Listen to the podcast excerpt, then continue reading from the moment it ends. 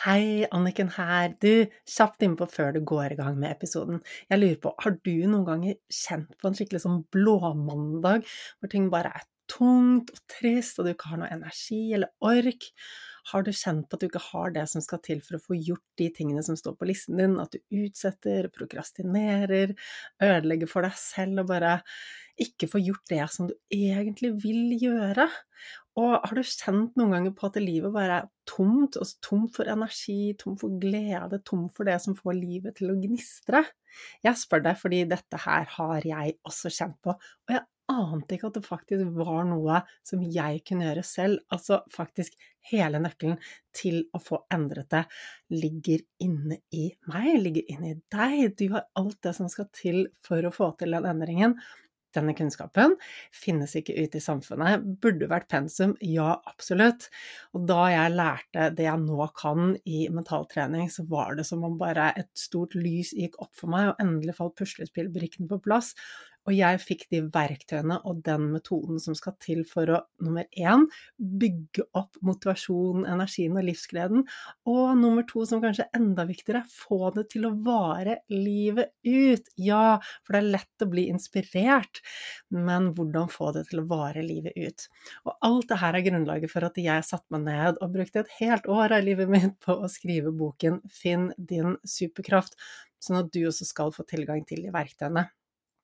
Og det jeg har delt i boken, er ting som ikke er i podkasten. Jeg har ikke delt det på kurset mitt, ikke på sosiale medier. Så det er helt ny kunnskap, nye verktøy og nye lydspor hvis du er en av de som har gått kurs hos meg eller fått noen av lydsporene mine fra før av. I boken får du 16 helt nye lydspor som endrer på tankesettet sitt. Så det jeg skulle fortelle deg om, var at boken nå ligger ute til forhåndssalg. Frem til 1. mai så kan du bestille den på forhåndssalg, og da får du den sendt rett hjem til postkassen din med en gang den er på lager. Og det som er ekstra, ekstra fint med at du bestiller dem på forhåndssalget, og det lærte jeg først nå, siden jeg selvpubliserer og kunne jo ingenting om hva, altså hvordan publiserer man en bok, men nå har jeg skjønt at det, å få solgt mange bøker på forhåndssalget gjør at man lettere kommer inn på boklisten, og den er visst veldig magisk, for når man er der, så er det en stor hjelp. Det gjør at boken får spredd seg til enda flere, enda flere får hørt om det. Og denne boken burde vært pensum, burde vært inne på alle skoler. Altså, hvordan hadde verden sett ut hvis alle hadde verktøykassen for å faktisk bygge opp motivasjon, drivkraft, livsglede, og bare ha det bra, få gjort det du vil, og trives med deg selv?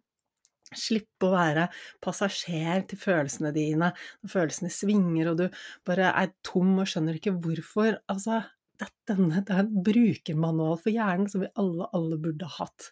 Så hvis du tenker at øh, jeg kan også ha nytte av noen verktøy som kan holde energien min gående, holde motivasjonen gående, humøret bare rett og slett gjøre at jeg får levd et så mye kulere liv, så ligger det link til boken Finn din superkraft i episodebeskrivelsen. Det er også bare å google Anniken Binds bok, den ligger på Nordli. Og husk på at når du bestiller før 1. mai, så er du faktisk med på å bidra til at enda flere får tak i denne verdifulle kunnskapen. Så det, det var bare det jeg ville dele med deg. Håper du koser deg med episoden. Det er alltid mulig å ha det bedre og få mer ut av livet. Med riktig kunnskap og gode verktøy så kan du også ta livet ditt til neste nivå. Level Up er podkasten for deg som vil ha mer glede, mer energi, mer overskudd, motivasjon og mening, og rett og slett bare ha et bedre liv.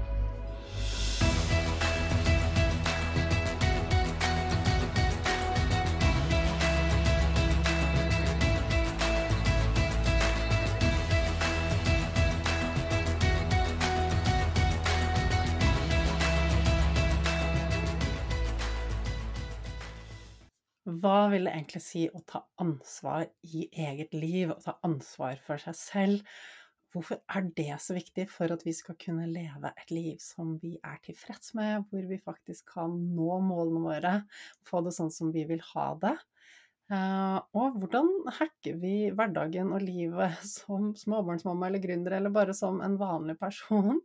Hvordan kan vi tenke for å få mer av det vi har lyst på? Eh, og mindre av det som vi ikke trenger i livet vårt. Dette er blant noen av temaene som jeg snakker om med Helene Ragnhild i ukens episode. Eh, og her er vi veldig ærlige og direkte. Og når jeg, liker når jeg spiller inn podkast-episoder, så er det ikke intervjuepisoder, det er en samtale. Og her er det to venninner som sitter sammen og skravler, eh, så her får du komme under huden på oss begge. Så jeg håper du liker episoden. Velkommen til eh, Level Up, Helene. Vet du hva, jeg er så glad for at vi fikk til å spille inn denne episoden her, for du er utrolig busy om dagen. ja. Her går det unna. Ja, det er jo så gøy. Uh, før vi hopper inn i alt det spennende vi skal skravle om i dag, så jeg tror jo at de fleste som lytter her, kjenner deg. Men hvis jeg skal bare oppsummere kort om hvem du er, så vil jeg jo si at du er småbarnsmamma til to nydelige jenter. Eh, og har ekstremt mange baller i luften. Spennende prosjekter som skjer. Du er også skaperen bak kurset glødende kosthold. Og det er et kurs som hjelper folk med å bygge opp tarmen sin. Så mm. viktig. Eh, ja, hva mer kan vi si om deg, Helene? Åh, ja. Jeg er jo altså blitt eh, forfatter. Eh, så nå er jeg liksom gründer, forfatter, mamma, kjæreste, alt. Ja, venninne. Venninnen din. Eh, ja, det er sånn Hvem er du? Mange hatter. Men ja, det er det jeg driver med. Jeg snakker veldig mye om tarm, det elsker jeg å snakke om. Men eh, også så mye mer, og, og hvordan vi kan eh, ja, ta ansvar for eget liv og få det bedre. Mm. Det er det jeg får snakke om. Mm. Mm. Så utrolig viktig. Og eh, jeg må jo si at en av de grunnene til at jeg digger deg, det er jo selvfølgelig fordi vi jobber med de samme temaene, snakker om de samme temaene, så jeg føler at vi matcher hverandre veldig godt på det. På det men det er ikke hovedgrunnen til at jeg digger deg, og det har jeg fortalt deg før, eh, Helene. Det er rett og slett fordi du har verdiene på riktig side av gjerdet, hvis vi kan si det sånn, og at du er hel ved. Jeg vet du er prinsippfast, du står for verdiene dine. Du er ikke redd for å bruke stemmen din hvis du opplever at noe er urett. Eh, og bare det, bare det at du er hel ved, er, altså det er grunnen til at jeg digger deg, og det har jeg fortalt deg. Å, takk. Takk det samme. Veldig takknemlig for å ha deg som venninne, og også føle at du bare er sånn gave. Du har jo vært en gave i mitt liv og hjulpet meg mange ganger med mange situasjoner. Det, jeg vet det kommer flere. Så, så syns jeg det er veldig gøy at vi får lov til å jobbe litt sammen også. og og vårt arbeid eh, komplementerer eh, hverandre altså, Det fungerer veldig bra da, i en sånn symbiose. For ofte så føler jeg at det, man, hvis man begynner å jobbe med hodet og tankene, uh, og sånn, så kommer man liksom etter hvert til det med maten. Uh, og hvis man begynner å jobbe med maten, og det er din liksom, inngangsport, så kommer man veldig kjapt til det som sitter mellom øra, og det er det som kanskje stopper deg litt da, for å komme til neste nivå. Og mm. da er det så fint å ha noen som jeg virkelig føler at jeg trygt kan sende noen til, og vi samarbeider jo litt, og ja, bare sånn, eh, sånn hjerte til hjerte. Så det er kjempefint. Så enig. Det er, det er som du sier, du, jo, du startet din interesse med eh, liksom med kosthold og tarmen, og jeg også med hodet. Men, men begge, begge, to er vi jo veldig opptatt av hvordan vi kan optimalisere helsen vår og ha det bedre. Og vi kommer jo ikke utenom å se på begge delene, eh, altså kosthold og det mentale. Altså alt henger jo sammen. Um, og jeg er ikke ekspert på Selv om jeg er veldig interessert i mat selv, så er ikke det mitt fagfelt. Og det er så deilig å kunne vite at jeg har andre rundt meg som er gode på det. Og jeg vet at du også har masse med det mentale inn i kursene dine, og det er så fint for de tingene som, eh, som du snakker om, er det samme som jeg snakker om, og når folk hører det to ganger, tre ganger, så går til slutt mynten ned. De trenger å høre det på ulike måter, sagt med litt andre ord, med litt andre eksempler, så plutselig bare Aha, det var det Anniken snakket om. Ja, når Helene sier det, så skjønner jeg det. ja, og ikke minst så trenger vi å høre ting igjen og igjen. Jeg vet at jeg trenger det. Repetisjon er så gull. Kjempe. Og det er, jo, det er jo hovednøkkelen til å få til endring. Til at vi Mm. faktisk repeterer. Og en av de største fallgruvene vi gjør når vi skal få til endring, er å bare gjøre de nye tingene et par ganger, og så tenke at å, hvorfor funket det ikke nå? Eller tenke at det, at det bør være til at det funker. Men eh, det er som du sier, repetisjon må til for at vi skal få ting inn. Ja, vi er jo også veldig Vi ønsker oss jo kjappe resultater, og det kan man jo virkelig få med altså, mental trening og hypnose og, og Det vet jeg du har sagt, sett mange ganger. Og sånn er det med kosthold også. Det er jo noen ting som jeg ser kommer veldig fort, men jeg tenker jo litt sånn i forhold til uh, Bare slo meg nå når vi snakker om i forhold til det å skrive bok, at uh, det også er noe som liksom, jeg har brukt så lang tid på. Og det å jobbe med ett prosjekt lenge, og så liksom få resultatet til så lang tid, det kan jo egentlig um, sidestilles litt med mange sånne prosjekter. Og det følger med helse òg, at det tar tid. Og det har ofte tatt så lang tid for noen å komme dit hvor de er, og kanskje har levd liksom i 10-20 år med den helsen de har. Uh, og da vil det ta tid å endre, og det tar tid å få vaner innunder huden, sånn at de blir en del av deg. Ja, og det er så sant. Eh, ikke sant? Og så er det sånn, eh, som du sier, at det, ikke sant? med en gang vi liksom kutter ut noen matvarer som kanskje trigger inflammasjon i tarmen, eller liksom gjør noen mentale endringer, liksom jobber med hypnose, så kan vi få liksom resultater umiddelbart. Men den langvarige endringen, den krever jo at uh, vi jobber med ting over tid. Ikke sant? Og det handler jo om det, det, en sånn der bootcamp hvor du bare sånn nå skal jeg trene masse disse ukene, eller bare spise salat eller smoothie.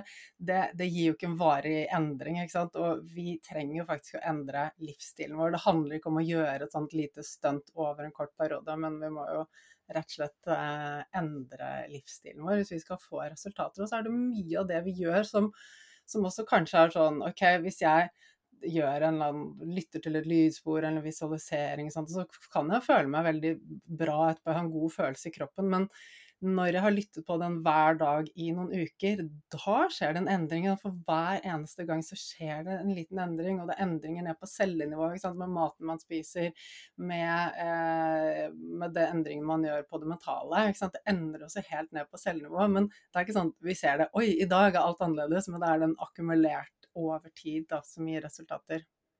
Ja, jeg syns kanskje særlig med det mentale at jeg ofte må få opp et sånt mønster og se at liksom OK dette er noe som gjentar seg i mitt liv som jeg egentlig ikke trives med. Og så må jeg liksom tenke sånn, hva skal jeg gjøre isteden? Og så må jeg på en måte komme i den situasjonen noen ganger. Uh, at um, Si du liksom ikke holder avtale med deg selv, da. Uh, og så er det sånn OK, men det hadde jo vært fint om jeg klarte å gjøre det. Hva skal jeg gjøre isteden? OK, jeg setter terskelen ned, og jeg holder avtalen. Og da må jeg liksom klare det en del ganger før jeg føler at det mønsteret faktisk er brutt. Så det tar tid, altså. Mm, det gjør det. Men det er så verdt det, og så viktig å gjøre den innsatsen. Ja, og så er det jo liksom sånn lag på lag, akkurat som en løk. ikke sant? Du kommer hele tiden nye ting, og vi kommer helt opp i nye situasjoner. Men jeg må jo si at vi da takler dem så mye bedre. Mm. Sånn at jo mer Altså, jeg føler at det å ha maten, den liksom som er veldig sånn mitt fundament, og det vet jeg det er for deg også, det å liksom ha begge de, ikke sant, det med å bruke lydspor og spise bra mat og eh, hele tiden være bevisst, ikke sant, sine egne tanker um, Når det er på plass, så er det bare så mye enklere å få til mye mer, ha det mye bedre, ting som blir kasta på deg, ikke sant? uansett om det er relasjoner, eller om det er stressperioder på jobb, eller sånn. Det bare funker så mye bedre. Så jeg vet i hvert fall sånn alt jeg har stått i det siste året, jeg hadde aldri klart det hvis jeg ikke hadde hatt disse på en måte, disse hjørnesteinene da, i livet som jeg forholder meg til. Det, da tror jeg jeg hadde blitt utbrent for lengst. Jeg er helt sikker på det.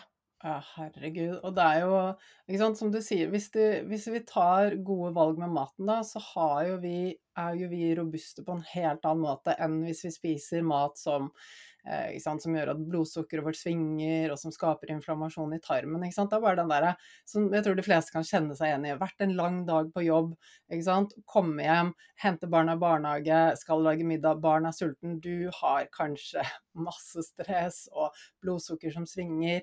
Du jo, Du møter verken deg selv eller barna på en god måte da, versus hvis du OK, Kanskje du har mye å gjøre da, men du har spist et kosthold som faktisk har gjort at blodsukkeret ditt har holdt, holdt seg jevnt. Hvor stor forskjell gjør ikke det, ikke sant?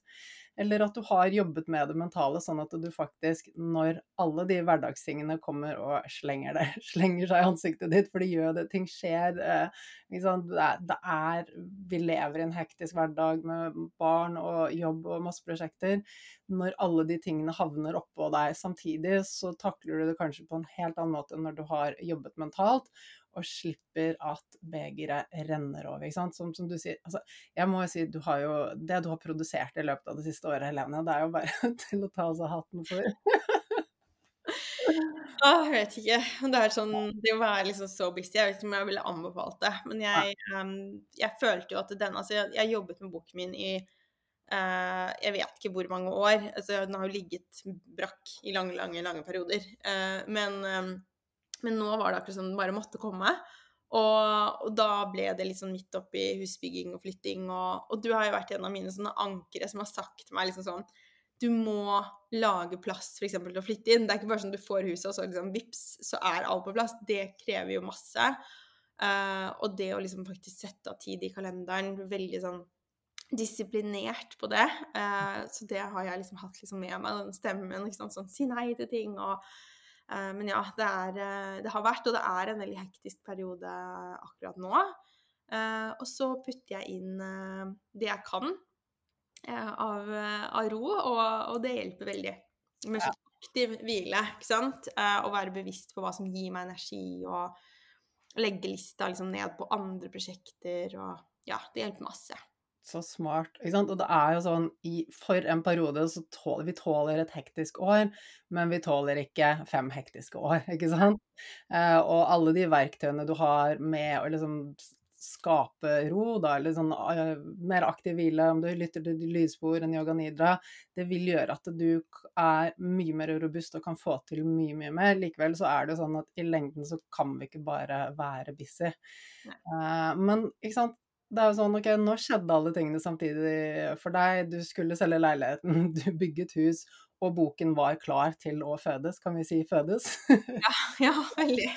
Det er jo litt som en fødsel. Jeg har jo sittet og skrevet boken nå de siste ukene, og jeg bare Å, herregud. Jeg hadde ikke forestilt meg at det skulle være så mye arbeid å lage en bok. det er, er sånn rar greie. Men jeg husker jeg liksom hørte på sånn helsepodkast for mange år siden hvor folk bare jeg har aldri hatt så dårlig helse som etter liksom akkurat den boken min kom ut. Da. De bare, Jeg har sittet og jobbet til langt på natt, og ja, det er eh, ofte veldig mye sånn siste liten ting som man ikke tenker over, og, og, så er det så endelig, ikke sant? Så du har ikke lyst til å liksom bare kaste noe ut. Det er veldig sånn 'Dette er boken min!' Jeg vil liksom at den skal være på en måte perfekt, da. Mm. Så å føles bra har vært så viktig for meg. Så ja, det har vært en veldig, veldig gøy prosess, først og fremst. Men um, en skikkelig healing-prosess for meg å skrive denne boken og, og, få måte min historie ut. Det Ja. Men så jeg er veldig glad for at jeg har gjort det. Litt sånn som uh, et sånn mentalt arbeid. Det, er, uh, det føles lettende etterpå. Det gjør det. Forløsende. Og jeg kjente på det mm. bare I går så sendte jeg inn andre utkastet til manus, og det var sånn åh, bare sånn boost av god følelse. Bare 'nå er jeg fri, nå kan jeg gjøre hva jeg vil', og jeg kan rulle ut yogamatten, og jeg kan lage litt mer mat, og bare oh, jeg kan slappe av litt. Det var en god følelse. Ja, fantastisk. Men jeg er jo ikke i mål. Det jo, du vet jo alt det som gjenstår. Eh, det er jo måneder fremover med redigering og redigering og alt annet som eh, står på den planen. Så det jeg har gjort da, Helene, det er at jeg tok en titt i kalenderen nå, og den høsten min er absolutt ikke full, men fordi jeg har bare ikke sant? Da jeg skulle begynne å skrive bok i våre, så var jeg sånn Å, nei, men jeg skriver på noen uker. jeg er jo så god på å skrive, jeg liker å skrive, og det går lett. Og så bare Å, shit, vent. Det her er jo Det er så mye som man skal bare holde styr på. Eh, så jeg bare skjønte at ok, det her tar tid, og mye av det er også bare kreativ prosess. Bare ok, det, det handler ikke om å sitte og skrive, men det handler om å bearbeide. Gå en tur og få mer klarhet. Um, og da, da, da, funker det ikke å være i stress. Nå har jeg bare sett på kalenderen min og bare OK, den er ikke full, men jeg vet jeg har rom til de prosessene jeg skal stå i, pluss rom til kos. ikke sant? Koselige ting som dukker opp. Men jeg skal ikke ha flere jobbprosjekter inn denne høsten, så nå har jeg bare satt en lås på kalenderen frem til, altså ut året. Kjempebra. Veldig deilig. Eh, og da får jeg gjort de tingene jeg skal gjøre, ordentlig bra. Jeg skal gå et nytt sertifiseringskurs til høsten. Jeg skal skrive ferdig boken, og jeg orker ikke slite meg ut. Du skal jo ikke det. Du må jo på en måte walk the talk, ikke sant. Vi må jo, eh, hvis vi skal på en måte ta vare på så mange Jeg føler ofte ikke sant, jeg holder så mange eh, i kurset. Ansatte, små barn, mann, alt det her. Eh, av meg selv. og all min bullshit. Så jeg må passe på at eh, jeg faktisk følger de rådene jeg gir. Eh, så jeg kan ikke på en måte hele tiden eh, legge ut på Instagram at jeg er så sliten, og at jeg liksom kjører meg selv så hardt. Eh, og så er det jo sånn, du havner i en sånn situasjon hvor du på en måte, ok, jeg har tatt på meg litt mye, men da er det veldig viktig å være sånn, ok, hva kan jeg fjerne?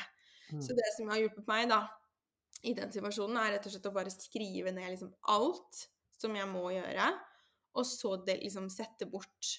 Uh, og da liksom er litt sånn OK, liksom Ting på, i huset, da. ikke sant? Så hva kan vente? Uh, må jeg liksom henge opp bilder nå? Nei. Må jeg det nå? Nei. Må jeg liksom ha gardiner? Nei. Må ha uh, det minimale, på en måte, for at det skal være levelig og uh, fungere. men trenger ikke å liksom drive med alt annet. Og så ta litt sånn kjappe avgjørelser på ting også, syns jeg hjelper. Og, og skyve på prosjekter. få mer hjelp. Um, så nå utvider jo teamet, men det altså er jo det krever jo også det, ikke sant. Uh, men det er jo liksom Det å ha et litt sånn langsiktig mål også, som jeg har, at liksom hvor vil jeg ha livet mitt og bedriften om to år, og ikke om liksom to uker. Ja. Uh, det er det jeg jobber mot nå. Åh, så mye nyttig. Så konstruktivt alt det du sier og gjør der, Helene. Og, og det første jeg vil si, er jo det Eh, det at du delegerer. Og vi vet det, som en leder eller som en bedriftseier, så vet jo vi kan ikke gjøre alt selv, vi, vi må delegere. Men det gjelder også som mamma, som huseier. Mm. Og, og, jeg hadde jo da mine barn var små altså vi, I Norge så er vi litt sånn 'jeg skal klare alt selv'. skal gjøre alt selv. Og jeg var veldig Det gir jo tilfredsstillende å gjøre alt selv. Da jeg fikk mitt første barn, var jo sånn bare, bare tøybleier og bare liksom skulle lage all maten fra bunnen av til dette barnet som ikke spiste noe mat, som bare ville ha pupp i nesten et år. Mm, og, så, så, og jeg skulle gjøre alt selv og være gründer samtidig. Og alt sånt. Og så det var en venninne av meg som sa til meg men vet du hva, Anniken, du kommer ikke til å få noen gullmedalje for alle de bæsjebleiene du har skiftet. Eh, bare se på hvilke muligheter du har til å få hjelp. Eh, og det er så mange måter man kan få hjelp på. Det kan være å bytte tjenester. Det kan være eh, kanskje du har en, eh, en, en, eller annen ungdom i nabohuset som trenger litt ekstra hjelp. Bare trille barn en tur, eller ikke sant? det med sånn henge opp bilder og gardiner, kanskje. Ikke sant? Det fins alltid løsninger eh, på å få delegert bort og kanskje bare bytte tjenester brukt nettverket. Eh, for det å tro at vi kan klare å gjøre alt selv, det, det funker ikke. Det gjør ikke det, og, og jeg kjenner også at det, dette er noe som jeg syns er veldig utfordrende både å snakke om, men også liksom å finne eksempler på. For det er ikke noe du kan google deg litt til. Det er litt sånn derre Kanskje litt avhengig av hvor du bor og hva slags barselgruppe du kommer i, ikke sant, når det gjelder barneting og sånn, men også sånn med bedrift. Og nå har jo vi eh, lagd våre egne sant, nettverk av kvinner som driver bedrifter, eh, hvor vi da liksom sparer på sånn OK, hvordan gjør du det? Hvor finner du ansatte? Hvor mye lønner du de? Hva gjør du sånn? Og det liksom, fordi det er ikke noe som man bare finner ut. Er, du kan liksom ikke ta et kurs i det. Det er liksom som man lærer mens man går, da. Mm. Jeg er veldig takknemlig for at uh, jeg har sånn som deg, som har liksom også gitt meg den støtten. Og jeg la faktisk ut på Instagram for litt siden et eller annet sånn at Uh, at liksom, vi har nesten ikke vasket huset sånn ordentlig siden vi flyttet inn. Uh, og da var det liksom flere som skrev til meg sånn Herregud, liksom, Helene, du må jo ha vaskehjelp. Og vi har jo egentlig hatt det i mange år. Uh, men så var jeg litt sånn mellom nå. og det syns jeg var så deilig at liksom skrev. At det var bare sånn Ja, men hvorfor har du ikke det, liksom? Og det handler jo også om at det er jo da nyttig for den personen som driver det firmaet, ikke sant, og som har den tjenesten. Så, så det er veldig fint at vi kan snakke litt mer om ja, det, det, er det. Vi hadde jo au pair i mange år. Eh, det ene året var det faktisk en venninne av meg fra Costa Rica som kom, fordi hun bare 'Jeg vet ikke hva jeg skal gjøre, jeg har lyst til å være nanny et eller annet sted.' Jeg bare 'OK, men da kan du bo hos oss et år'. Eh, og eh, de jentene som har vært hos oss, er verdens nydeligste, verdens søteste. Vi har hatt kjempefine forhold. Og de har kunnet støtte familien sin, sende de på skole, bygget hus hjemme. og de har elsket å være i Norge.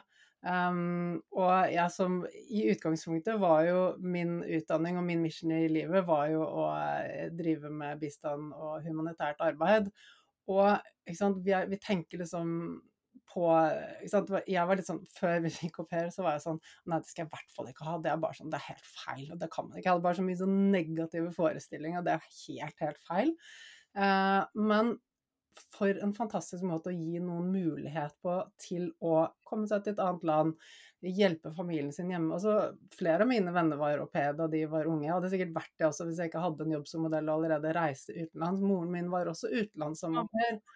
Mm. Ja, ikke sant? Så det er jo ikke sånn så det er, liksom, det er, klart at noen her i Norge har misbrukt seg av den tjenesten, og så er det de eh, kanskje som ja, eh, så, så liksom havner hele det systemet i en sånn der Det er moralsk uh, forkastelig mm. boks, ikke sant? Men, men, for en fantastisk måte å hjelpe begge veier. Fordi jeg er helt overbevist om at jeg og min mann, vi hadde ikke vært gift i dag hvis ikke vi hadde hatt hjelp. Ikke i det hele tatt. Eh, og det er ikke fordi vi ikke er glad i hverandre, men Altså, begge er gründere. Eh, vi har et stort hus fra 50-tallet. Det, det, krever, altså, altså, det, krever så mye, da. Det å få hentet barna i barnehagen, bare ha hjelp til ta oppvasken, ikke mm. sant. At noen er der. Kanskje hvis du liksom trenger eh, en eller annen jobbgreie, så har du noen som er i huset. Eh, så, så, det har reddet vårt forhold eh, og gjort at vi kan kunne gjøre de tingene vi vil gjøre. Og viktigst av alt kunne være til stede med barna, senke skuldrene, ikke slite oss ut. Uh, så mm. ja, det har vært helt fantastisk. Å, så deilig. Mm. Mm. Så delegering, ja. Viktig. delegering er kjempeviktig. Uh, så jeg er nå i prosess med å lage den der lille landsbyen rundt meg. Og det er som du sier, det kan også være uh, venninner, og man kan være liksom flink til å hjelpe hverandre. Det, det må ikke være det, det fins alltid gode løsninger. Det fins mange, mange, løsninger. Vi har vært heldige fordi vi har hatt en hel leilighet i kjelleren som vi har eh, kunnet uh, bruke til det. Um, så, så, det har gjort det enklere for oss. Det er jo ikke alle som har muligheter, men det fins jo så mange muligheter. Og Hvis vi ser tilbake på gamle dager i Norge, da, så var selv de fattigste bondegårdene hadde jo en tjenestepike som, mm. som, bodde på en slagbenk på kjøkkenet, ikke sant? Ja, ja, ja. Lina i, i Lønneberg. Ikke sant. Det, det, var jo ikke, det er jo ikke meningen at vi skal fikse alt selv, spesielt ikke i det samfunnet vi lever i i dag, hvor begge foreldre vil være i jobb, eller trenger å være i 100% jobb for å dekke utgiftene. Og vi har lyst til å ta vare på oss selv, realisere oss selv og eh. Og det er sånn, ja, selvfølgelig trenger vi ikke en au pair, eller vi trenger ikke en fulltidsjobb eh, for å få det til å gå rundt. Det, liksom, um, sant, det handler om de valgene vi tar. Hvordan vil vi leve? Mm. Uh, og det er, sånn, det er, ikke noe fasit for hva vi trenger eller ikke trenger. Men vi trenger bare å finne ut okay, hvordan vil jeg at mitt liv skal være, og hva skal til for at jeg skal ha det sånn. Og ja, hvis begge foreldre er i fulltidsjobb, uh, i vårt tilfelle så er vi to gründere. og det er mange som tenker at jeg er gründer, da har jeg så mye fri. Men eh, mannen min jobber jo dobbelt så mye som en vanlig eh, en som er liksom ansatt og har en vanlig arbeidstid på et kontor. Mm. Eh, det, er, det, har vært sene kvelder hele tiden. Nå har det vært en stor endring, for vi har jobbet mye mer med balanse og sånn. Det kan vi snakke om en annen gang. Eh, men de årene hvor barna var små, så var det så mye jobb. Og det var også spesielle tider hvor han trengte å bygge opp en business. Jeg har også bygget opp en, min business. Eh, så det er klart at det, eh, man, altså, man, man, får jo til alt, men Eller man kan få til eh, å ha det godt med barna og være i full jobb og, og alt det der, men man får, inn, man får, kanskje ikke inn alt. Ikke Et eller annet sted så må du krysse ut noe på listen. Du fortalte her nå at ok, gardiner Nei, det trenger ikke henge opp nå. Så du går gjennom de tingene det, vi får jo aldri inn alt i timeplanen samtidig. Nei. Nei, nei det, det er helt klart. Men det skal jo ikke gå utover på en måte, det liksom mest basice av behov. Så syns jeg også det liksom Jeg må jo også si at det, når vi snakker om disse tingene, så føler jeg at det er sånn særlig sånn Det er sånn kvinnegreie. Fordi at det er veldig få som sitter på Lindmo som mann og får liksom spørsmål sånn her Å ja, men hvordan har du fått til dette med å ha barn? Mm. Det, liksom, det, det er ikke en greie. Og, og jeg tror også at det der er vi jo biologisk forskjellige.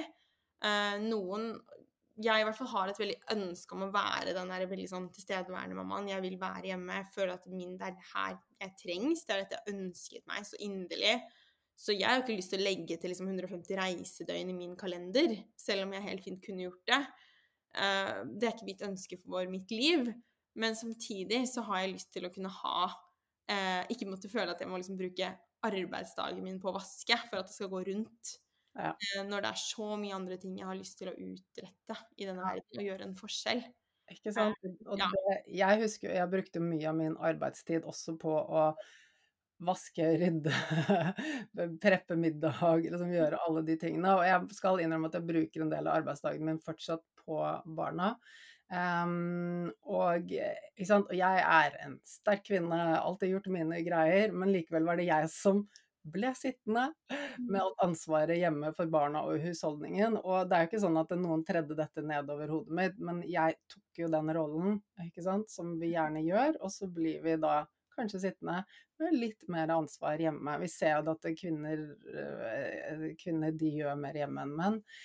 Ehm, så, så jeg har liksom spurt meg selv ok, hva var det som gikk galt her? Du Plutselig ble du sittende hjemme og var den som altså, Ja, vi har hatt hjelp i huset, men alle som har barn, vet at det, det er litt mer å gjøre enn at noen kanskje hjelper til litt med oppvasken og, og, passer barna litt mens du tar en dusj eller noe. Det er, det er litt flere ting som skal gjøres i huset, og jeg var den som hele tiden tok alt ansvaret, gjorde alle greiene eh, og slet meg veldig ut på det. Em, så så jeg, altså jeg gikk rett til den fellen, jeg også. Jeg tror vi er Har jeg lest at liksom, vi er den første generasjonen som på en måte samtidig som vi har sett disse veldig sånne klassiske um, kjønnsrollene, da. Så for meg så har jeg vokst opp med en hjemmeværende mamma og en pappa som da jobbet veldig mye. Uh, og han har jo da ikke sant, kommet til uh, ferdig middag og ikke liksom masse sånn brette tøy. Og liksom mamma gjorde jo de tingene og holdt jo på en måte i alle sånne tråder, aktiviteter og skole og alt mulig. Uh, og han jobbet. Og så tok det liksom noen Det, var liksom langt uti at Lykke var kanskje sånn tre-fire år før jeg skjønte at ok, jeg har liksom tatt begge disse rollene og bare vært sånn lagt på meg, tatt meg begge hattene. At jeg skal både liksom ha den karrieren og, eh, og gjøre det bra og være så ambisiøs som jeg er. Uh, og jeg er veldig sånn business-minded. Jeg elsker business, ikke sant. Uh, og samtidig så er jeg liksom den derre Ja, men det må jo være sølvtøy når vi skal liksom ha dåp. Ikke sant? Det må jo være det. Jeg skal jo stryke de bunadsskjortene, jeg skal jo holde i alle de trådene. Og, og på søndag kommer den, så da må jeg huske å lage de gulrotvaflene, sånn at jeg får stå og steke de. Og så vil jeg gjøre alle de tingene også. Det er ikke sånn at jeg føler at jeg gjør det fordi andre forventer av meg, men jeg, liksom, jeg har veldig mye i meg. Uh, og da er det det å ta en skikkelig ærlig tid på ok, hva kan legges bort, men også hva som kan gis bort. Og så er det det indre arbeidet av å liksom tillate meg det, og ikke gå rundt og ha dårlig samvittighet sammenlignende. Vi er forskjellige, og noen, eh, noen trives veldig godt med å jobbe mye mindre når de har små barn, og liksom bare legge Og det er jo som noen som har sagt til meg, ikke sant? Eh, at liksom sånn Ja, men kanskje du kunne jobbet mindre for at det skulle være lettere for dere, og nå er liksom Du har bare små barn én gang. Jeg bare Hvorfor sier du ikke det til Jonna? Hvorfor kan ikke han jobbe mindre, liksom? Det er sånn, Hvorfor skal det være meg? Og jeg har allerede gjort det. Eh, så når jeg fikk lykke, så la jeg bedriften min helt på is i et år. Mm. Enn når jeg hadde brukt liksom ti år på å, å satse alt da, på å bygge det opp. Så fordi at det var det jeg tenkte var sånn Det, det, det er den programmeringen, ikke sant, som du jobber med, som liksom det sitter så hardt i hodet at det er det man må. Men jeg mener virkelig at vi kan få til begge, og jeg tror også for min del altså at jeg er en bedre mamma fordi at jeg også gjør ting jeg vil. Jeg tror ikke jeg hadde vært lykkelig hvis jeg bare hadde lagt liksom alt fra meg og bare vært sånn Jeg skal kun fokusere på dem og deres behov. Eh, da tror jeg også at jeg hadde følt en sånn bitterhet etterpå. Barna vil ikke liksom gi deg alt etterpå. De er sånn Barna er på en måte til låns, da. Så Ja. den tiden med de nå er jo så utrolig viktig. Og, og bare nyte, sånn, ikke sånn som meg som har veldig små barn ennå. Det er sånne bitte små sånne kropper som bare er sånn helt sånn snirkla inni deg, sånne små tuttelotter og sånn. Og det er liksom jeg helt sånn Å, bare sånn soak up, ikke sant, den tiden. Fordi det er jo ikke for alltid. Eh, men så er jeg også veldig opptatt av at de skal føle sånn Mamma har sitt liv, liksom, og de kan ha sitt liv, ikke sant. Sånn som du har jo litt eldre barn, og da er det jo litt mer sånn De gjør sine egne ting, de er på besøk hos venner, de har egne aktiviteter. Og jeg vil aldri føle at de skal liksom være sånn Å nei, jeg, mamma har jo gjort alt for meg, og hva skal jeg liksom Skal jeg bare leve mitt liv? Det er sånn Ja, jeg er her, ikke sant? Og du liksom Go do you. Ja, og det er så, så mye viktig du sier her. Og ikke sant, dette med eh, vi, er forskjellige. Eh, vi er skrudd sammen forskjellige. Dette er genetiske forskjeller. Så noen er skrudd sammen mer for å ønske å bare være her og ta vare på det nære, sørge for familien, ikke sant.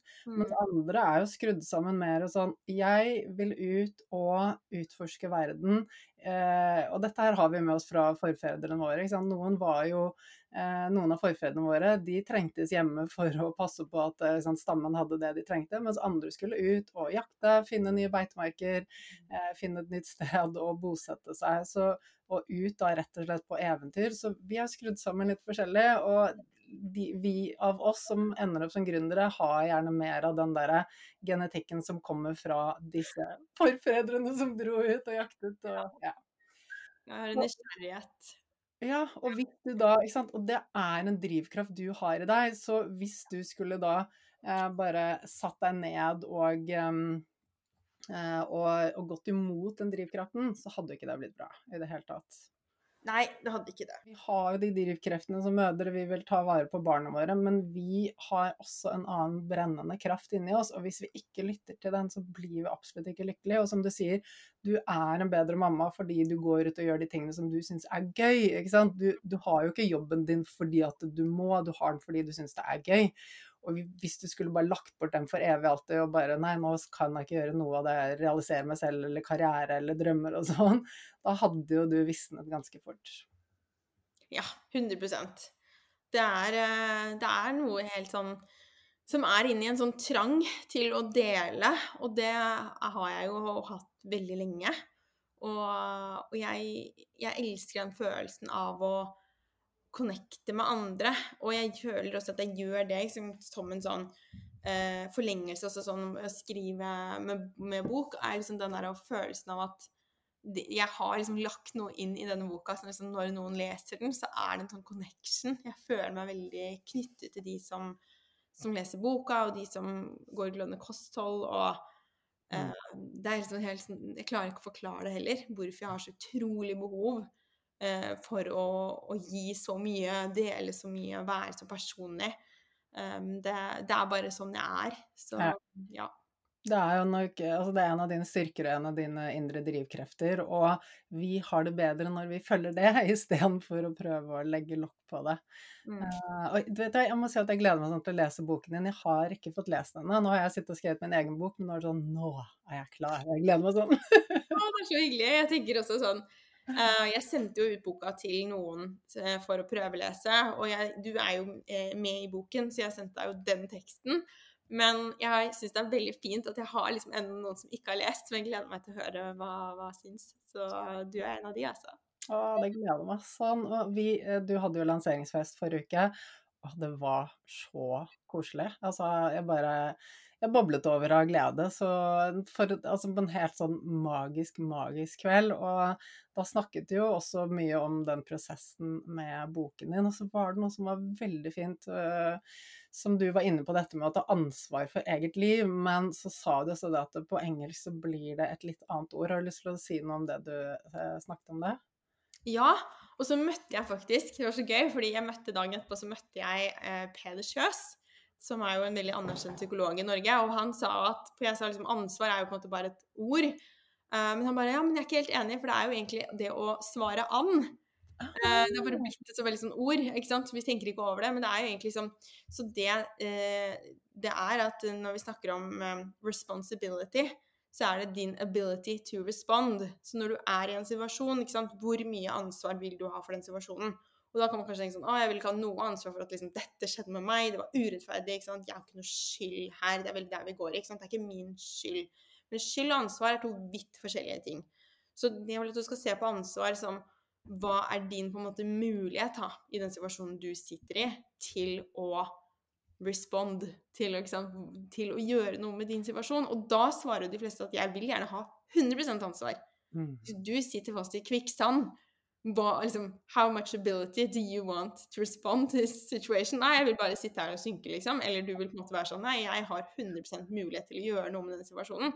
Mm. Og det for meg kommer veldig naturlig. Jeg er alltid litt sånn OK, kartlegge hva kan jeg gjøre uh, for at jeg skal få det bedre?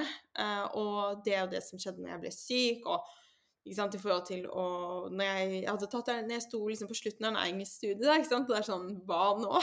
Nå er du snart ferdig med å studere, hva skal du gjøre? Det var ingen jobber. Eh, det var ikke noen mulighet til å få noe mer hjelp via Nav. ikke sant? Altså, jeg var bare sånn Jeg må klare dette her alene. Så jeg hadde ingen plan B. Jeg var sånn, jeg må drive mitt eget firma fordi jeg må snakke fra hjertet. Jeg kan ikke stå og selge uh, liksom en eller annen type sånn matprodukt på tube og være liksom ansikt utad, eller skulle det være talsperson når den tingen får kritikk i media, eller altså det er så mange sånne typer jobb, jobber i ernæring hvor jeg bare var sånn Å, nei, jeg vil heller ikke stå og liksom si at vi skal være redde for fett. ikke sant? Det var så mange ting. Jeg var sånn Nei, jeg må bare kunne snakke fritt. Jeg må kunne si det jeg mener er riktig, på den måten som er riktig for meg. Uh, og da var det liksom bare sånn Ingen plan B. Uh, jeg måtte bare finne ut hvordan jeg kunne drive firma og leve av det. Uh, og da gjorde jeg jo det, ikke sant? fordi jeg tok 100% ansvar. Og sammen jeg var syk, at det var sånn Det kommer ingen. Og det er jo den harde sannheten, når så mange av oss går og venter på den utredningen, vi venter på at liksom, ja, kanskje jeg kan finne en test, ikke sant? kanskje jeg kan få svar på en blodprøve. Og der var jeg også, i årevis. Det er derfor jeg vet det, fordi jeg har vært der, og jeg er veldig, veldig klar over at det er veldig, veldig fristende. Og at vi vil tro at alt endrer seg hvis vi bare får liksom noe med to streker under svaret, men det gjør ikke det. Det er uansett du som må gjøre den endringen. Det er uansett sånn Si at du finner liksom, Du kommer inn i glødende kosthold. Og så er det sånn OK, her ligger liksom alle svarene. Jeg har Helene som skal hjelpe meg. Jeg kan spørre henne. Jeg har Anette. Jeg har liksom teamet. Eh, jeg kan høre med de. Det er masse oppskrifter. Det er videoer om ting jeg lurer på. OK, let's do this, liksom. Det er fortsatt du som må lage maten. Det er fortsatt du som må handle den. Det er du som må putte ting i kurven. Det er du som må si at liksom Nei, du, eh, jeg tok med det her, jeg, fordi sånn og sånn Hvis noen spør om du har lyst på noe som du vet ikke gjør, gjør bra for kroppen din, det er du som må gjøre det. Ikke sant? Uansett hvor mye ressurser du har. Og det er jo derfor det ikke er sånn at det er 100% suksessrate i livet hvis du har mye penger eller ressurser, fordi det går på deg. Mm. Og det er jo noe som jeg prøver å kommunisere på en måte også med ved å vise mine feil og sårbarheter og, og skam og alt som jeg skriver i boka, ting som har vært sånn veldig vanskelig for meg å skrive om, som jeg aldri har snakket om før, fordi at jeg vil vise at her var jeg, her er jeg fortsatt av og til, ikke sant? men her er det jeg gjør. Mm. Og da kan dette skje. Og, og det Jeg liksom jeg, jeg, klarer nesten ikke å catche opp i uh, hvor mye som har skjedd, og um, hvor stor forandring. Jeg fikk spørsmål for litt siden nå sånn her Ja, liksom, situasjonen kan jo være noe helt annet om kanskje ti år. Og så var jeg bare sånn for ti år siden. Da var jeg syk, da var jeg på Nav. Jeg hadde ikke noe liksom, Jeg eide ikke mitt eget sted å bo. Jeg, um, jeg hadde kjæreste, jeg var sammen med Jon Anders. Men unntatt det så har jo alt endret seg i livet mitt. Uh, så jeg prøver virkelig å liksom vise det at det, alt kan endre seg for deg òg. Mm. Og det kan være de minste ting, men det kan også være store, store, store endringer. Mm. Men alt starter med deg. Åh, så magisk. Og, og, det er jo sånn, ikke sant, ja, du, du, stopper opp. For vi kan lett sånn i hverdagen bare Å nei, jeg har ennå ikke fått til det, eller jeg er ikke der hvor jeg vil være. Men hvis vi stopper opp og ser tilbake, da, ikke sant. Du ser ti år tilbake, og bare Å, herregud, så langt du har kommet på de ti årene. Og det Mm. er jo ikke et resultat på at du har sittet og ventet på at noen skal fikse ting for deg, eller gi deg et endelig svar på noe. Eh, Det er fordi du har jevnt og trutt hver eneste dag tatt action med kostholdet, med tankesettet ditt, med businessen din, med alle tingene. Det er liksom den jevne innsatsen over tid på de år, ti årene som hvis du hadde stått da for ti år siden og sett fremover så bare Å, så mye jobb jeg må gjøre, ikke sant. Og nei, jeg kommer aldri til å klare det. Men eh, når du gjør litt hver dag, så er det bare helt utrolig. Tenk på hva du har fått til på de ti årene. Det er helt fantastisk. Takk. Det er det altså. Og dette med makt i eget liv og ta ansvar, det er jo altså Jeg opplever at det er gjennomgangstema for alt det du formidler, og for boken din også, som Og hvis jeg har forstått det riktig, for jeg har ikke lest den ennå. Ja, det er det. Eh, Så i boka så er det seks eh, delkapitler. Eh, og jo bare så fin at jeg bare elsker design. Jeg er så heldig med designeren min. Så det starter med du har makten til å endre ditt liv. Og da beskriver jeg jo min reise fra å være syk til å finne maten eh, og til å finne tarmen, ikke sant, og alt det her. Og det er liksom historie. Og jeg var veldig bevisst på at jeg hadde lyst til å skrive en litt annerledes bok. Eh, og den tilbakemeldingen som jeg har fått absolutt mest, er at folk bare skriver sånn Jeg kunne ikke legge fra meg denne boka. Eh, en venninne av meg som eh, som heter Siv, som eh, driver den Radiant Health. Hun sa jo det til meg på festen. Hun bare 'Jeg leser ikke bøker. Jeg har ikke tid til det.' Liksom. Hun bare, jeg satt oppe klokka var liksom halv ett. Bare 'Nå må jeg legge meg og lese boka'. Og det er akkurat det jeg ønsket. At det skal være også noe man kan lese og liksom kose seg med, og ikke bare masse, masse, masse fakta. fordi da er det så lett at det blir liksom 'Å, enda en ting jeg må gjøre'. Så jeg vil at det skal være litt sånn nytelse i boka også. Derfor eh, har jeg prøvd å lage den vakker og alt det her. Eh, og så snakker vi mye om helse. Helse er det viktigste du har. Ta vare på den. Det er tema to. Uh, dypdykker mer i det. Snakker om alt fra kraft til mer tarm, mer fermentering, tanker, ikke sant. Det som eh, vi snakker mye om ellers. Uh, snakker om å følge magefølelsen. Be om det du vil ha. Drømme stort. uh, og leve som hele deg. Det er kanskje der jeg føler at jeg er litt nå. Men alle disse temaene er virkelig fortsatt så viktige for meg, og alle må til. Og så har de bare blitt forsterket, og de har kommet så under huden at de bare er en, de er en del av meg. Det er på en måte en selvfølge for meg. Og det betyr ikke at jeg alltid spiser perfekt. Noen spør meg sånn, spiser du noe godt- godteri og sånn. Jeg bare ja, ja, ja. Null stress, liksom. Jeg kan spise hva som helst. Men det er mer sånn Det, det er så mange valg jeg tar som er så bevisste. Mm. Og da er det alltid fordi jeg vil det. Jo mer liksom Jeg tar det hele tiden lag og lag lag utover. ikke sant? At det er sånne der menneskene jeg omgir meg med. ikke sant? Hva gir de av meg? Hva slags følelser gir de meg? ikke sant? Hva slags følelser gir de meg å drikke av den tekoppen? Hva slags følelser gir det meg å spise den maten? Og jeg tar flere og flere følelser, nei, flere og flere valg basert på hvordan jeg vil føle meg, og hva jeg vil skape i livet mitt, hvordan dager jeg vil ha. Og det gjør også at det blir um, Det blir veldig mye enklere. Mm. Ja. Så jeg søker ikke så mye ut, men mye mer inn. Og det er også hele nøkkelen til å få til vaneendring, er jo også det at vi Hvis vi prøver å endre en vane og går mot det vi føler, at vi har motstand mot å gjøre den nye vanen, da er det en veldig tung vei å gå. Så hele nøkkelen til det er jo å spille på lag med hjernen og de gode følelsene. Og sant, som du sier, det er lett å ha blitt en del av deg. Nå gjør du det automatisk. Eh, og det er, jo, det er jo sånn vi skal få til vaneendring, ikke gjennom å presse oss gjennom et eller annet sånn der eh, opplegg, en diett eller treningsregime eller sånt noe. Det funker jo ikke. Eh, dette er også ting som jeg skriver mye om i boken. Og så skal jeg lage en ny bonus til kurset ditt, det gleder jeg meg til. Den skal jeg filme nå, jeg har satt av tid til deg. Og du sa nå må du ikke pushe deg da, Anniken. Jeg har akkurat operert og skal ta det litt med ro, og da bare tenkte jeg, vet du hva, det er ingen fare. Fordi altså jeg planlegger så mye ekstra white space og hvile og ro rundt alt. Så jeg gleder meg til å spille inn den bonusen eh, til deg. Ja, det blir kjempefint. Det blir veldig, veldig gøy. Og så er det, det var én ting til som du snakket om i sted i forhold til um, Hvis jeg bare spoler tilbake til ganske tidlig samtale, så snakket du også om det at du, du planlegger langt frem i tid. Mm. Ikke sant? Det er ikke bare sånn de to neste ukene med business. Og, eh, og det er sånn Når vi er gründere, vi jobber for oss selv, så er dette ekstremt viktig. Men det er like viktig for alle sammen at vi klarer å tenke litt lenger frem i tid. Du tenker to år frem i tid, hvor vil jeg være? Hva trenger jeg å gjøre for å komme dit? Um, Istedenfor å bare liksom ta, være på hælene hele tiden da, og ta, ta, ting som blir kastet mot deg, men å være litt i forkant kunne tenke litt OK, hvor vil jeg være, hva er det som kommer? Eh, hvordan må jeg rydde kalenderen? Eksempel så er det sånn desember vet jeg er en veldig, veldig tight måned. Så eh, da har jeg sett, satt av masse tid til alt som har med jul og oppsummering av året i businessen. Det, det er alltid ekstra tid, så du kommer ikke noe mer inn i kalenderen min da.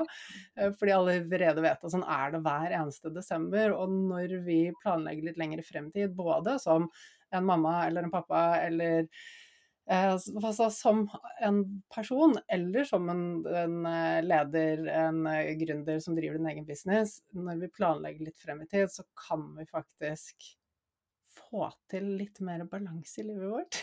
Slippe å være så stresset.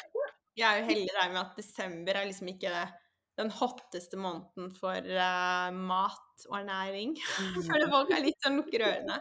Nei da. Men um, men jeg også pleier å ha en sånn roligere jobbtid da. Uh, og det har jeg også tenkt å ha i år. Mm. Mm. Så det er liksom å se fremover og, og planlegge jeg, jeg, liksom, jeg, vet ikke om det er fordi at jeg har blitt eldre, eller fordi at det er altså, sånn fordi jeg har jentene, og at jeg føler veldig på den der at livet er nå. Uh, og hele livet mitt så har jeg levd veldig sånn for fremtiden. Og og liksom jeg tenkte sånn, jeg skal være lykkelig når jeg bare kommer inn på det studiet, og når jeg bare fullfører den tingen, og hvis jeg bare har hatt, ikke sant, tjener så så mye, eller hvis jeg bare gjør det, hvis jeg bare gjør det, og så er det sånn Nei, det er nå. Og det er derfor jeg liksom elsker sånn her om dagen Etter den festen så dro jeg på en sånn afterwork med noen venninner og drakk vin. Og så endte vi opp med å sitte på toppen av uh, Sommero, på takterrassen der. Uh, og bare tok liksom ett glass vin, og var bare sånn at jeg følte sånn frihet og bare Du vet, sånn som ikke føler når du er småbarnsmor, at det var sånn Wow, jeg var spontan, nå er jeg her! og det var liksom så deilig. Så uh, jeg prøver å bare sånn kose meg med det, eller sette på musikk noen ganger sånn, Hvis jentene er sånn 'Å, kan vi høre på den, nå den der badebussen?' så, jeg vet ikke om du har hørt den, Anniken? Nei, jeg har ikke det. det er sånn barne, liksom, det er, sånn, er det noen sånne random sanger som bare tar helt av på lampen. Og setter på den mens vi spiser middag, selv om jeg bare er sånn så jeg, De liksom koser seg, så er vi bare sånn Badebussen! Sånn der jeg sitter og synger og liksom bare har sånn Det bygger sånn glede og gode hormoner, og det, det er så viktig. Og bare, ja, være sånn Ja, glem jobb i dag, jeg gjør noe annet, liksom. Bare kose meg. Ja, det er så viktig, og uh, dette er jo ting jeg kommer til å snakke om Eller jeg trenger å gå litt mer i dybden på det i en annen episode, fordi hvis jeg, på, hvis jeg åpner det lokket nå, så kan jeg snakke en time til. Men vi, det, er jo, det, er jo, noen indre drivkrefter også, som får oss til å bare gjøre, gjøre, gjøre. Uh, og hvis vi bare følger etter det uten å blindt å være bevisst da, på at vi havner i den 'Det blir bedre når jeg kommer dit, jeg må bare gjøre, jeg må bare gjøre', eh, så kommer vi aldri til å bli lykkelig. Um, vi kan ha masse drivkraft og motivasjon og kjenne på den energien, men ek, den ekte lykken ligger i å være tilfredse med det vi har. Eh, og sant, som du var inne på tidligere også, dette med barna. ok, da, Vi har de på lånt tid. Mine er nå 11 og 13. Fortsatt så elsker de å være sammen med oss. Fortsatt så kan de sitte på fanget. Fortsatt får vi masse koser og glemmer. Um, men det er på lånt tid, ikke sant. Og jeg, jeg, eh, har ikke lyst til å bruke opp denne tiden på å jobbe meg i hjel, eller bare være stresset, eller ikke være til stede. Være en mamma som snapper fordi jeg er sliten og stresset. Eh, eller sitte og jobbe hver eneste kveld og hver eneste helg. I helgen så har jeg faktisk skrevet på boken min, men det var bare søndagen. Jeg hadde, på lørdagen var jeg helt til stede. Så, eh, men vanligvis så jobber jeg ikke helger, men akkurat som med Bokinnspurt så, så blir det litt skriving. Men men det er den, eh, det er den tiden vi har nå, som du sier. Ja, eh, du bare setter på musikk, du koser deg med det du har nå, og det er det, er det som er livet vårt. Mm. Eh, og det er kjempegøy å utvikle oss og bevege oss fremover, og, og kan kose oss med alt det, men det er ikke det som gjør oss uh, lykkelige på ekte. Nei, ikke i det hele tatt. Det er så viktig. Og jo mer vi har fokus på det vi har, jo mer vil vi også se jo, jo hvor mye vi har. Eh, og det er jo vi liksom nå i et sånt samfunn hvor alt handler liksom, Vi blir bombardert med reklamer om alt vi må ha hele tiden. og og det er så lett å liksom føle altså det er sånn menneskeskapte behov, ikke sant. Eh, men, så det også er jeg veldig bevisst på. Og bare sånn Hva vil jeg ha rundt meg, ikke sant. Mm. Og, og, og, det er jo egentlig sånn sjekken med verdier også hele tiden. Og det skriver jeg om litt i boka også, der med liksom ha dine verdier. Uh, skrive liksom Hvem er den derre uh, Helene om to år, ikke sant. Hva, hva ville hun gjort? Og, og sjekke av med den personen som jeg uh, holder på å bli. Mm, så viktig. Mm. Ah, nå gleder jeg meg til, veldig til å lese boken. Men du Helene, boken din altså, For jeg gikk inn for jeg skulle finne link til boken din, for jeg skulle dele den på Instagram, så da bare skrev jeg Helene Ragnhild, og da kom det opp på Google Det første forslaget som kom opp, var Helene Ragnhild-bok. ja. Det tror jeg har vært der i mange år. Jeg har jo fått spørsmål liksom mer enn ukentlig sånn 'Når skal du skrive bok? Når skal du skrive bok?' Og så får jeg hele tiden spørsmål sånn 'Er det oppskrifter i boka?' Og ja, det er to oppskrifter i boka. Det er en veldig god brownie, og så er det hummus. Men det er også QR-koder i boka. sånn til forskjellige guider med flere oppskrifter og sånne ting. Men boken er eh, skritt før oppskrifter. Mm. Fordi oppskrifter det finnes det jo milliarder av på internett. Uh, og det finnes så mange fine bøker som jeg elsker. Jeg har masse fine bøker hjemme med masse fine oppskrifter. Men jeg lager ikke de hvis ikke jeg har det her innabords. Det er ikke sant, det derre 'hvorfor skal du gjøre det?' og det å få den indre driven, og det er det jeg ville skape med boka. Så det er mm. steget før how to. Men det viser også masse how to, fordi jeg forteller jo om hva jeg har gjort. Så du kommer til å få masse konkrete steg, men også den der indre driven som du ikke engang visste at liksom kunne vekkes i, i deg. Da. Jeg vil vekke magien i deg, som du ser at du kan også skape de endringene som du drømmer om. Så det er rett og slett grunnmuren vi trenger for å gjøre det, for å lage den uh, oppskriften. Uh, mm. ja, så utrolig bra. Og så jeg vet da at hvis man bare googler Helene Ragnhild-bok, så finner man boken da, i hvert fall. jeg kan sende en link som du kan legge i shownotes også, hvis du vil. Herlig, det skal vi gjøre. Eh, og ellers så er, har jo du en egen podkast, Klar, ferdig, glød. Det har jeg, med noen fine episoder med deg, blant annet. Ja, og så er du på Instagram som Helene Ragnhild. Er det noe Overalt. Hvis du bare søker på Helene Ragnhild, så finner du meg. Instagram, Facebook. Ja, det er stort sett der jeg, eh, der jeg henger. Og også hvis du går inn på heleneragnhild.no, så finner du masse gratis guider og ressurser. Kan du laste ned smoothie-guiden, eller du kan med på matvarer som tarmen elsker, og foredrag jeg har over nett, og alt det her som eh, Hvis du er klar for litt eh, glad kropp, så hjelper jeg deg med det.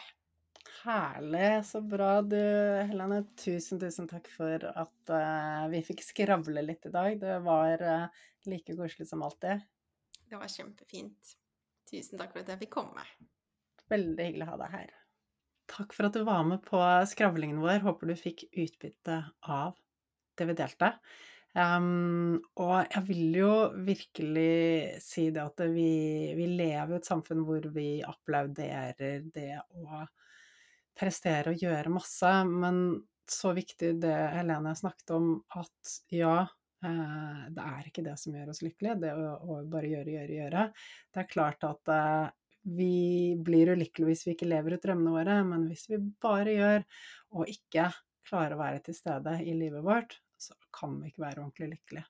Så, mm, så det håper jeg du tar med deg. Og så snakket vi også litt om vaneendring. Eh, jeg lover å dele mer med deg om det på podkasten, men jeg har også en gratis masterklasse hvor jeg deler hemmeligheten til suksess med vaneendring. Og den kan du eh, laste ned og lytte til, og se meg, til og med. og da går du til annikebinds.com vaner, så finner du den masterklassen hvor jeg går mer i dybden på hva vi egentlig trenger å tenke på for å få til vaneendring. Og som vanlig så er jeg utrolig, utrolig takknemlig for all supporten du gir denne podkasten. Jeg gjør alt alene, har ingen sponsorer eller samarbeidspartnere som hjelper til med å få oss opp på listen. Det at denne podkasten ligger høyt på listene og gjør det bra, og når ut til mange, er takket være deg som lytter. Det er den innsatsen du gjør med å dele det med venner, med å laste ned episoder, med å abonnere på podkasten. Alt det som gjør at eh, vi faktisk får ut denne kunnskapen til enda flere. Så tusen, tusen takk for det. Jeg er så takknemlig for det. Og så gleder jeg meg til å ha deg med igjen neste uke. Da skal jeg snakke om et tema som jeg vet du trenger. Så det er bare å glede seg. Da ses vi neste uke.